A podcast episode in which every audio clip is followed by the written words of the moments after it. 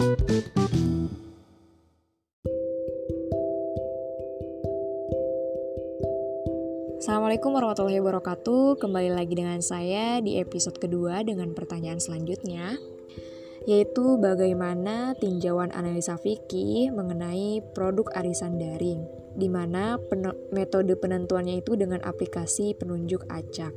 Dalam analisa fikih, seperti biasa ada beberapa poin yang akan dibahas. Yang pertama, praktik lapangan.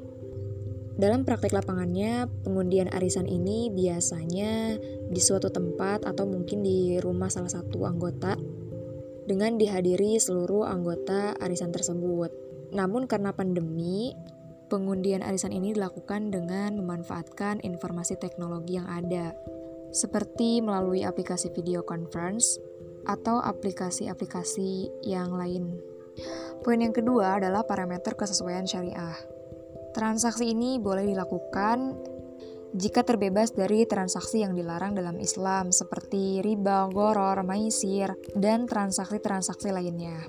Secara prinsip, arisan dengan berbagai macam bentuknya itu diperbolehkan menurut Islam selama objek arisan itu halal dengan tanpa ada bunga yang disyaratkan dan didasarkan pada kesepakatan atau perjanjian seluruh peserta anggota mengenai jumlah iurannya, jangka waktu penarikan, jumlah anggotanya, dan mekanisme lain seperti biaya administrasi.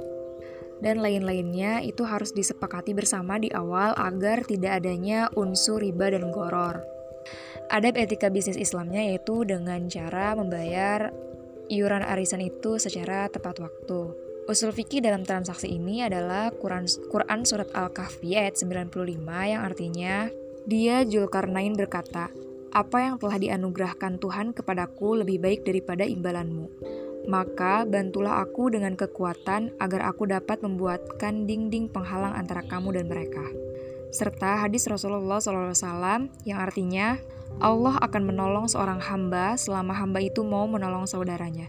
Hadis riwayat Muslim. Kaidah fikih pada transaksi ini yaitu pada dasarnya semua bentuk muamalah boleh dilakukan kecuali ada dalil yang melarangnya serta makosid syariah yang terdapat dalam transaksi ini, yaitu saling membantu sesama anggota untuk memenuhi kebutuhan primer dan sekunder para anggotanya. Akad fikih yang ada pada transaksi ini yaitu utang piutang dalam arisan termasuk dalam transaksi sosial atau tabaru.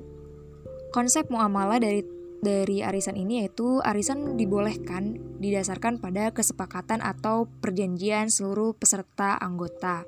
Mengenai jumlah iurannya, jangka waktu penarikan, jumlah anggota, dan mekanisme lain seperti biaya administrasi dan lain-lain itu disepakati bersama di awal. Agar tidak adanya unsur riba dan goror dan undian yang biasanya dilakukan dalam pertemuan langsung ini dilaksanakan secara online atau daring dengan memanfaatkan sarana teknologi informasi yang ada. Itu tidak menjadi masalah karena yang penting arisan ini dilakukan dengan itikat baik, jujur, terbuka, bertanggung, bertanggung jawab, dan tidak melanggar perjanjian dan ketentuan hukum yang berlaku. Sehingga tidak ada salah satu peserta atau anggota arisan yang dirugikan.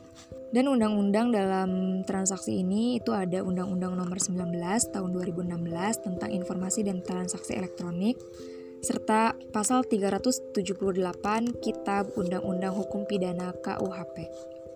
Poin yang terakhir yaitu manajemen pemasaran dan resiko. Manajemen pemasarannya biasanya arisan ini dipromosikan di grup-grup media sosial atau hanya grup-grup lingkungan terdekat dari para anggotanya. Resiko dari arisan ini yaitu adanya kemungkinan salah satu anggota yang telat membayar dan tidak ada etika baik untuk membayar, sehingga timbulnya permusuhan antar anggota.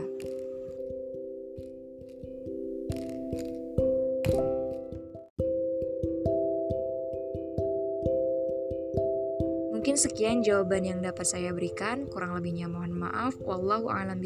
Wassalamualaikum warahmatullahi wabarakatuh.